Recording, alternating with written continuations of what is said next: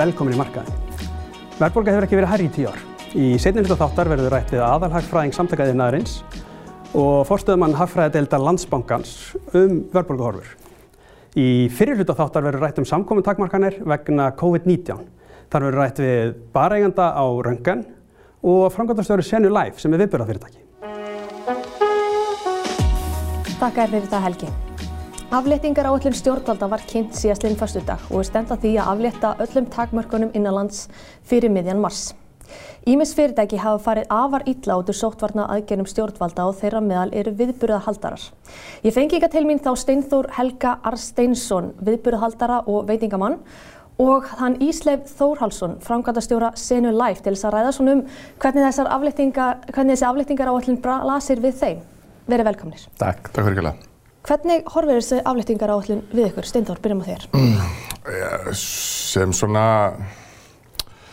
já, vera maldi í móin, hefur ekki segjað það. Það er svona, mér finnst ekki að vera, þú veist, það er alltaf verið að segja þessi að vera að fylgja einhverjum uh, áliti sérfrænga og eitthvað svona. Mér finnst þetta svona vera, vera svona í þessu svolítið svona áfram og, og hérna ekkert vera með neitt sérstaklega konkrétt um, og ég sé ekki alveg hver ástæðan er fyrir þessu að draga þetta svona rosalega langin með hvernig þetta er til dæmis í, bara segjum bara Danmark og Nóri. Mm -hmm. Íslegur? Já, mér finnst þetta bara fáránlegt hvað þetta tekur langan tíma. Ég ætla ekki að vera að skafa utan að þessu sko. Það er bara, það, það, við, við hljótum, við erum alltaf að hugsa um sko að aðgerðarnar séu ekki verri en vírusin sjálfur mm. og mér líður bara eins og við séum þar núna og, og hérna, það er eins og yfirvöld séu orðin miklu betri í því að skella í lás og halda samfélaginu lokaði heldur en að opna.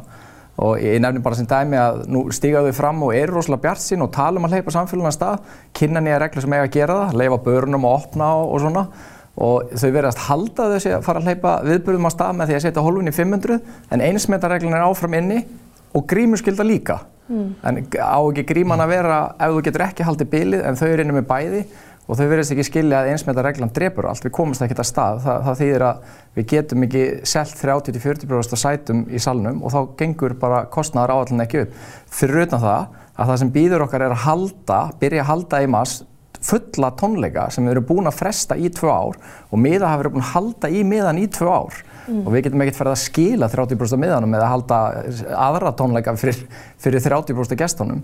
Þannig að við erum jæfn stopp á áður en þau verið halda þau hafa verið að hleypa okkur að stað. Þannig að það er bara mískilíkur. Og, og þetta er svona, þú veist, þið hefur verið gegn gangandi bara síðustu tvö ári þetta, það vantar allt samtal og það hefur verið að setja eitthvað svona reglur Já. sem verðist vera svona Veist, svona, já, við verðum að halda þessu hérna mm -hmm. á þess að sé einhvern veginn eitthvað á bakviða mm -hmm. eða eitthvað vissum það að þessu verið fyllt eftir mm -hmm. uh, ég menna að þú, þessi einsmetarregla sem eitthvað viðmið það er lung, allir lung og hættir að fylgja því bara, sem maður bara takkir sem eitthvað dæmi skilur, bara alls þar í þjóðfélaginu og það er, og, og þetta er svona Þetta og til dæmis reglan með að það mátt ekki selja áfengi veist, í, hljé sem eru svona algjör bullregla sem ég... bara enginn skilur. Nei, ég meina, núna eru regluna þannig að þú mátt vera með bariðin opinn og það er bara þitt besta mál. Ég er ekkert að gaggrina það. Auðvitað á bariðina með opinn og hann má opinn til miðnættir en það má ekki selja áfengi viðbörðum. Þannig að þú mátt fara inn í bæ á barinn en ef þú fer í hörpu á tónleika þá mátt ekki kaupa vín og, og svo, svo sko, þú mátt kaupa vín á veitingastæðinum í jarðhæðinni í hörpu mm -hmm. en ef þú fer upp á aðra hæð á tónleika þá mátt ekki kaupa vín. Þannig þið myndu vilja sjá meiri aflettingar fyrr kannski? Ég er bara miklu fyrr, ég meina Danmörk er afletta öllu á miðinætti í gær og Nóri er öllu og ég er bara og svo eins og þú segir, þetta, þetta eru miklu minni vísindi held ég en þau vilja vera að láta. Já. Það er verið að slengja einhvern reglum út um allt samfélag án þess að það sé hægt að sína fram á einhver rög fyrir því eða, eða hvað aðgerir að virka eða hvað ekki. Þessi er bara svona slengt út um allt og vonað að besta. Og, húst, og annan dæmi er þessar, það verið að fara í svona af, því bara reglur sko, um mm. svona hvort þessi opið til 11 eða, eða 10 á börnum eins og það skipti einhverju máli. Húst, sérstaklega til dæmis núna í desember sem var bara 20 manns í holvi, öllum þjóðandi bors hvað máli skiptir að þú lókir klukkan átta eða, eða miðnætti og núna, og núna ertu með reglur út um allt samfélag sem enginn fer eftir mm. þessi hólfa skiptingin á veitingasvæðum, eitthvað takmarkaði fjöldi sundlegar og, og líkastræktastæði það vita allir og sjá allir að það er enginn að fara eftir þessu Hafa stjórnvöld að ykkar mati gengið oflánt í sóttvarnaðagerðum og kannski glinda gæta meðalhófs? Já, algjörlega. Uh, og mér finnst, hefur þótt sko, uh, veist, við erum gaggrina hérna sóttanarleikir, uh, en ég menn hann hefur þetta einu hlutverk sem er bara, veist, að, að, og hann hefur sagt það sjálfur, hans hlutverk er bara að minka smitt. Hann á ekki að taka tillit til mm, félagsleira þátta eða, eða eitthvað verðmættisköpunar eða e- eitthvað, eitthvað annað. Það ætti að vera stjórnmálmennir. Stjórnmálmennir hafa bara ekki sínt uh, almenni þór eða sett hlutin í starra samingi. Uh, og ég held að það hafi verið svolítið svona aðal mistökin. Já, glemst að taka tillit til einhverja þátt á svona? Já, ég, ég er hjartanlega sammála þessu og ég held að þetta séu svona einhverjar, svona, það bindaðist einhver stemming í blá byrjun sem var skiljanleg, þar sem við skildum ekkert í þessum vírus, skildum ekkert hvernig að díla við hann, hvað að vera hættilegur, engi bóluefni og þá var skiljanlegt eh, þessi stemming. Bara fara eftir því sem að sóttanarlæknin legg, leggur til og ekkert annað í bóða en að loka öllu. En það, það var bara vallit stemming í svona 36 mánuði en við bara festumst einhvern veginn inn í því. Og það lítur, þetta er svona lítur út fyrir það að stjórnmálamennin sem eiga stjórna þessu landi, þeim leið bara vel að þurfa ekki að segja neitt eða taka neinn afstöðu. Þeim leið bara vel að leifa hérna, sóttanarlækni að taka allan hítan. Og svo myndaðist einhver svona stemming í samfélaginu að alltaf þegar ríkistóndafundur að kynna nýja rækir þá er alltaf fyrsta spurning fóstu eftir öllum reglum, öllum tillögum þórums. Eins og það sé- að það versta í heimi sem heilbreyðisraðar getur sagt er nei. Þú veist, og ég held að stjórnmálamenn hafi skinnjað þá stemmingu að þeim er ekki óhætt að segja Einmitt. að þeir hafa ekki farið eftir öllum tillögum. Þannig að þú er verið að segja já. Og, þá er bara sóttarnalæknir farin að stjórna þessu landi. Einmitt. Og, meðan, og líka, húst, ég menn það eru sóttanarlæknar í, í öðrum löndum en þar virðist vera þessi meira eitthvað svona, eitthvað svona ráð, mm -hmm. það eru margir sa, eitthvað hagsmunal sem koma saman og svona meti þetta út frá, frá hinn og þessu uh, og uh, ef kannski maður á að setja út á kannski eitthvað eitt varðandi hjá sóttanarlækni, það er eins og uh, sem sást til dæmis í síðustu hérna, takmarkunum það verðist vera eins og einu, tveir vendlanir til þess að stjórna þessari, uh, þessari veiru síðan einhvert uh, hérna, opnunartímar á veitingastöðum eða viðbrur Já. þessi einu, tveir uh, það húst, verðist ekkert vera húst, eins og er í öllum öru löndum það sem er að beina fólki meira að vinna heima Mhm. uh, húst, uh, hvar er fólk uh, 8 tíma dag, 5 dag á vikuna það er Já. vinnunu eða í skólanum húst, á meðan einhvern fyrir viðbrið einu sinni, einu sinni á- í mánu eða að fara á barinn maks einu sinni á viku Nákvæmlega. Þetta er Og- akkur- og- og hva- og hvaða- og, og, og þá, þá verður til þess að húst, það er hérna, verið að setja takmarkina á og það er bara alltaf fyrsta símtal hjá öllum blagamannum það ringir mig að Ísa og Mhm. Segja þetta hvernig þetta komið við okkur húst, Já. akkur er verið að setja okkur í þessa stöðu En að- þessar efnahagslu aðgerðir sem að stjórnvöld hafa kynnt til að koma til móts við ykkur, hvernig hefur ykkur litist á þær? Eh, eh, ég meina þetta er fyrir eh, desember og janúar síns mér. Uh, þær bara eru af, af hennu góða.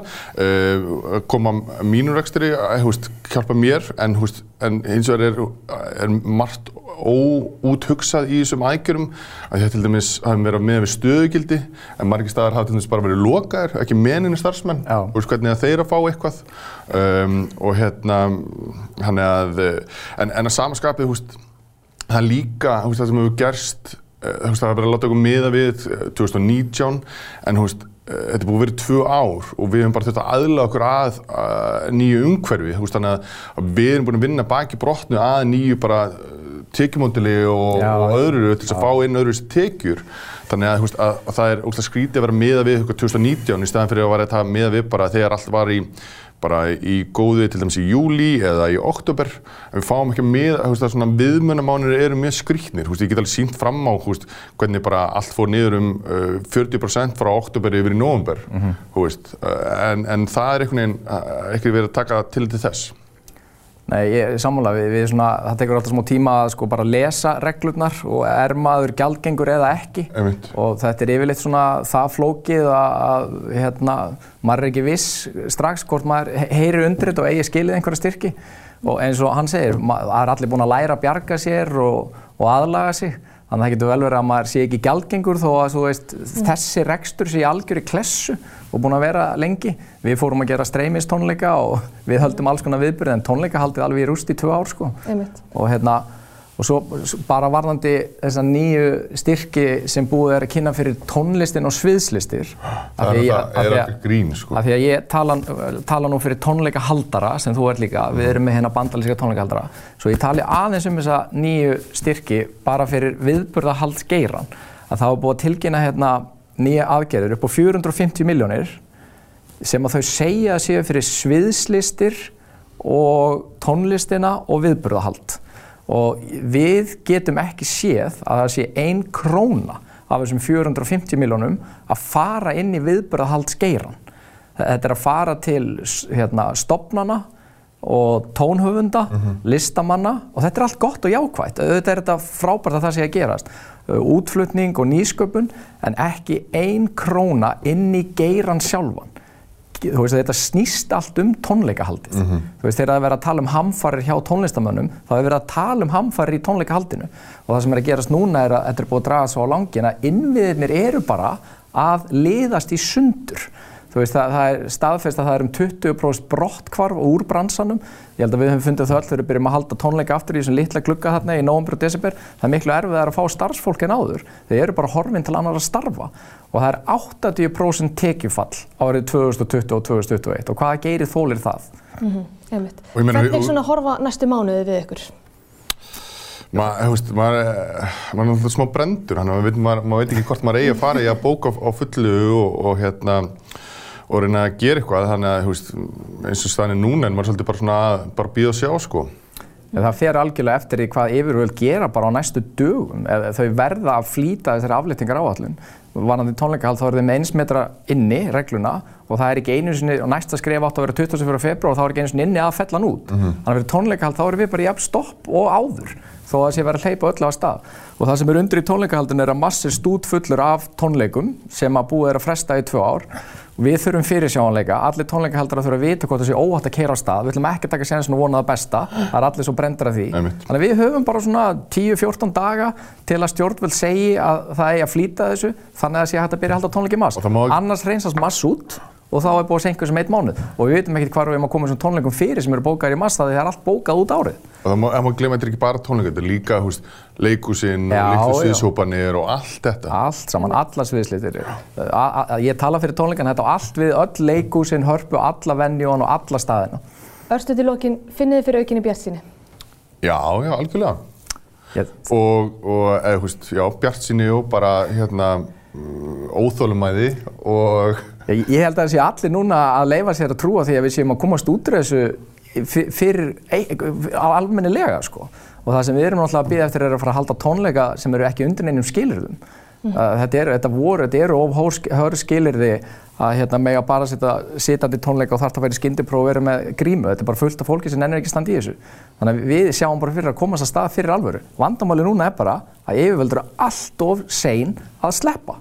Nefnitt, frábær lokaord. Þakka ykkur báðum kærlega fyrir. Takk svo mjög. Hér rétt eftir munan Helgi við vil ræða við hagfræðingana Ingól Bender og Daniel Svavarsson um verðbólguhorfur. Farið ekki langt.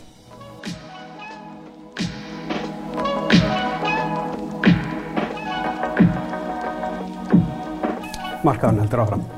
Verðbólga hefur ekki verið herri í tíu ár og er nú 5,7% en viðmið Sælabankans er 2,5%. Hingað eru komnir Daniel Svafarsson, fórstuðumöður Hafræðildar Landsbankans og Ingólu Bender, aðalhafræðingur samtakaði næðarins og við ætlum að krifja málið. Segð mér, Daniel, okkur er verðbólka svona há? Já, það eru svona helsti liðin sem er að knýja áfram verðbólkunum núna er húsnæðisliðurinn, e, þess að verðhækjanur og húsnæði. E, það er svona lang vegamesti þátturinn og, og við hefum séð náttúrulega eftir, eftir að Selbankin eða Benningstendin fór í að, að lækka stýravextina að þá skilaði sér að miklu krafti í, í fastegnumarkaðan og kannski aðeins meiri krafti heldur en það var reiknað með. Og við sáum mjög uh, hressilegar hækkanur á síðast ári. Og þetta er þá í dag langstærsti uh, liðurinn í, í verðbólkunni. En við erum líka fann að sjá talsvæðar hækkuna í hérna, innlendur þjónust og innlendur vörum og þar er náttúrulega kostnæðar þrýstingur vegna mikill að launahækana til dæmis og svo er það kannski svona aðeins byrja að hafa áhrif á verðbólunga núna að það er innflutaförur. Eh, við erum að sjá náttúrulega hækkanir í flutningskostnaði erlendis og, og hækkun á erleitur ráðurverð og hækkun bara hilsulu er vara til landsins. Þetta er enn sem komið er ekki fara að hafa gríðal áhrif á verðbólguna en það gæti haft um, aukin áhrif á næstu mánum. Þannig að Og, og mælingi núna í janúar sín líka svona það voru lang flesti þættir, við horfum alltaf undirlega í vístunana að það var um, miklu meirinn helmingur um, undirlegan að hækka meirinn 2,5%. Þannig að það bendi til þess að verðbólka sé að verða almennar heldur en hún var bara fyrir örfámanuðu síðan. Mm. En Ingólfur, hérna, hefði verið hægt að halda þessari verðbólku í, í skefjum með eitthvað mæti og þá er ég að vísa til húsnæðisleðarins? Já, það hefði nú verið hægt að gera mun betur í því. Eh, þetta er eins og Daniel nefnir hverju tveikja innlendir og ellendir þættir sem er að hafa áhrif. Eh, og húsnæðisliðurinn hefur verið sko eiginlega ráðandi í sko hækkunataktinu núna undanverið og við sjáum að núna skýra cirka þriðjung verðbólkunar sem er náttúrulega talsverð. Og sá þáttur er innlendur uh, og þar hefði alveg klálega mátt gera betur. Það múið segja að, sko, þróun á húsnæðismarkaðum að teikna svona síðustu tvö árin eða svo hafi verið mörguð af bæði þá frambóðs eftirspurnar uh, hliðmarkaðarins og það sem var fór kannski fyrst að drífa húsnæðisverðshækkarinnar var eftirspurnar hliðin. Það sem við sáum að, að hérna, vakstarlækkanir og kaupmáttavöxtur og og, og fleiri þætti voru að, að hafa áhrif til hækkunar en, en þá sáum við strax að 2019 þarf að segja að það var að fækka sem þetta íbúðum byggu og, og uh, það sem var sérstaklega áhugjefni í, þessari talningu sem við gerum nú tvisar ári var að það var mikil fækkun á fyrstu byggingastígum sem var þá búa það að, að innan tveggja ára eða svo myndum við fara að upplifa skort á frambúðsliðinni. Og það er það sem við sjáum er að drífa uh, verðbólguna þá og, og verðþækkan á húsnaði í augnablíkinu. Að við erum að, að upplifa verilegan eh, skort í, í frambúði á, á nýju íbúrhúsnaði og bara húsnaði almennt. Við séum mjög skömmun tíma heldar fjölda íbúða í sölu hér á höfuborgarsæðin til að fara úr ríflega 2000 niður fyrir 500 og er enn lækandi. Og hvað skýr þessa fækkun? Er eru verktakar, vilja þeir ekki byggja eða er, er þetta loðaskortur? Loðaskorturinn eh, hefur verið uh, flöskuhálsin. Uh, okkar félagsmenn sem er náttúrulega fjölmörgir á, á, á þessu sviði hafa bent á það. Í talsveit langan tíma að hérna, flöskuhálsin sé loðaskorturinn. Og það er náttúrulega mismunandi eftir sveitafélagum hvernig það er. Uh, sum sveitafélag eiga þessir land til þess að prjótundi nýja beigð og, og geta alveg aukið við sig. Önnur eiga erfiðar með það og sum eru bara í þeirri pólitík að vilja þjætta og, og hérna ekki, ekki skaffa lóðir utan þjættingareita. Og það er, sko, má segja, ábyrgarhlutin núna liggur mjög mikið hjá sveitastofnunum mm. og ekki síst þá sveitafélagin hér á höfuborgarsvæðinu þar sem fólksfjölgunin er eiga sér stað mestu leiti. Þó þetta sé náttúrulega líka út á landi.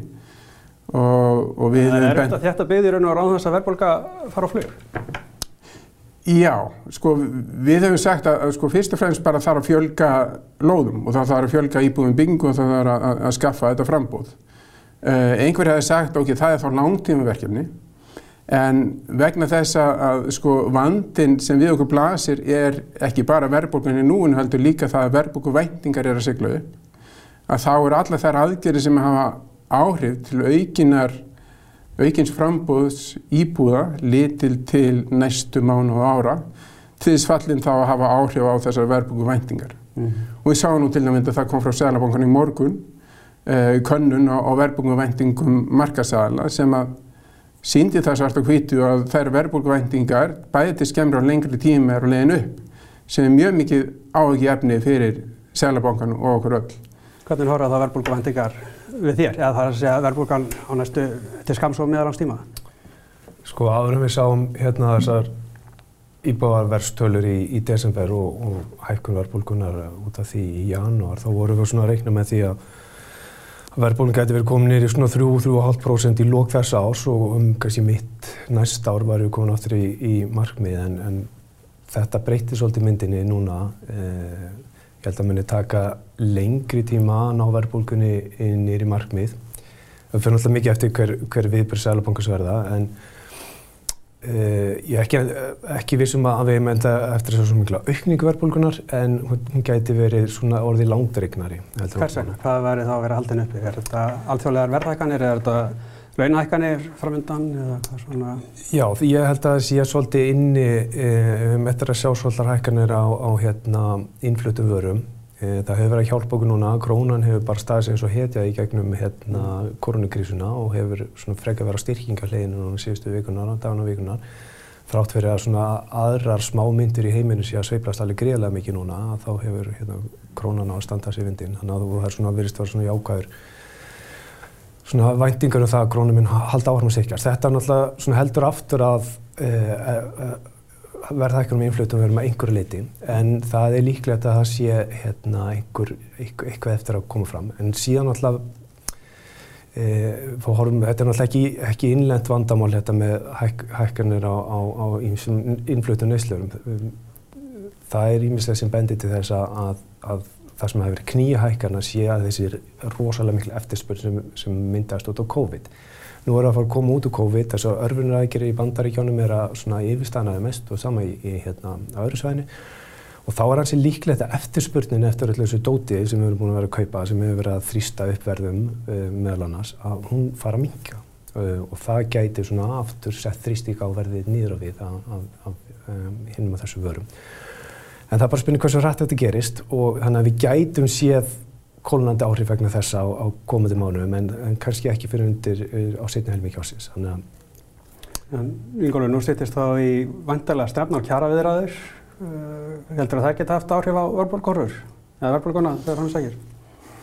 Uh, sko, þessi verðbólk og ekki síst sko, verðbólku væntingar uh, eru náttúrulega ekki gott innleg inn í kjærasamninga. Um, þetta mun hafa áhrif og hefur náttúrulega, og maður sér það bara umræðinni, uh, hefur áhrif á svolítið sko áherslur aðeila í aðdraðanda kjærasamninga og ég held að sko uh, það sem menn eru svolítið að sammælast um þar er þessi frambóðsvandi og húsæðismarkaði að hann geti verið sko laust uh, þar að menn hérna komið þar og ná fleirum á borðinu. uh, í því að, auka frambóðið. Það verður þá til hjálpar náttúrulega fyrir heimilin í landinu uh, og líka til þess að draga verðbúinu niður.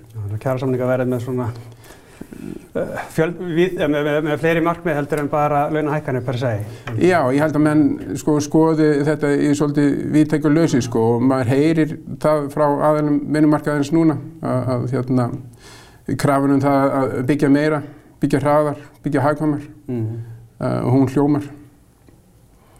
En þá, hvað finnst þér um hagvægstar horfur þá, þegar við erum að tala um alla þessa verðbólku? Sko, hagvægstar horfur eru fínar uh, í sjálfsög, það er allt útlýtt fyrir það að við verðum með hagvægst, jákvæðan hagvægst á þessu ári ykkur 5%. Mm. Uh, en verðbólgan, hún er svona á, á, ágefnið, þetta er svona vextir verðbólk á vinnumarkaðinu þar sem verður svona helst í fókus á þessu ári. En svona horfurnar, efnarshorfurnar miða við hvernig þessi, þetta ómikrón afbyrja er að þróast núna og, og, og það að það sé alltaf frótnast, það, það, það gefur góða vonur um að við fáum ágættis ár e, hafastælega séð. E, en svo náttúrulega það, þessar, þessi hækkuverðbólguna, hún er að kalla á auknar vaksta hækkanir og vaksta hækkanir hafa neikvað á hagvöxt, þetta svona gerir að dýra að fjárfæsta og, og hérna dregur úr neyslunni. Þannig að það getur líka hægt aðeins á hafastunum og það, það, það er svona það, sá bala sem peningastefnum þarf að stíga að ná að slá verðbólkumætingarnar á sama tíma að passa þess að kæfi ekki hafastun þegar það, hérna. Hvernig horfið það við þær Ingólu? Nú reiknar margir með allavega stýraverstaðækun í, í næstu viku. Hvað áhrif heldur það við þá aðtunlífið og hafast áhrifur? Það er eins og Daniel segir, þetta er svona jafnvægislist sem Sælabankin horfur á núna að, að hækka næjanlega til þess að ná verðbúrunum niður en ekki of mikið þannig að þeir kæfi ekki hagvastin. Og þó svo sko hagvastar horfur í augnablíkinu séu ágættar fyrir þetta ára þá svona lítið fram á næsta ára og þannast ára þá er ekkit endilega við sem að sjá allavega ef við horfum í þær spár sem hafa verið komið út og það er ekkit neitt sérstaklega bjart. Uh, ég held að við þurfum að passa það að fara ekki á brætt í þetta. Uh, hagkerfi er rétt að koma út úr þessu ástandi og við þurfum á því að halda að auka hérna gældiristekjur og, og halda upp í fjárfestingastíðin og láta það helst aukast. Uh, við viljum byggja hér undir nýjar stóðir í, í útflutningi. Hugverkaðinnar er hér orðin mjög ráðandi í, í gældirisöflun og, og við viljum sjá hann vaks og dafna áfram og, og til þess þarf bara umhverfið að vera gott. Þannig að það er mikilvægt að fara sér hægt en þó ná þessari verðbúi niður. Þakka fyrir Ingólu Bendir, aðalhagfræðingu samtakaðirnarins og Daniel Sváðarsson, fórstöðumöður hagfræðildar Landsbankans. Þátturum verður ekki lengra sinni, við sjáumst eh, næsta miðugundag klukkan 7 og við minnum á fréttavefin okkar markaðan.is sem er uppfærður örgulega. Takk fyrir áhverju.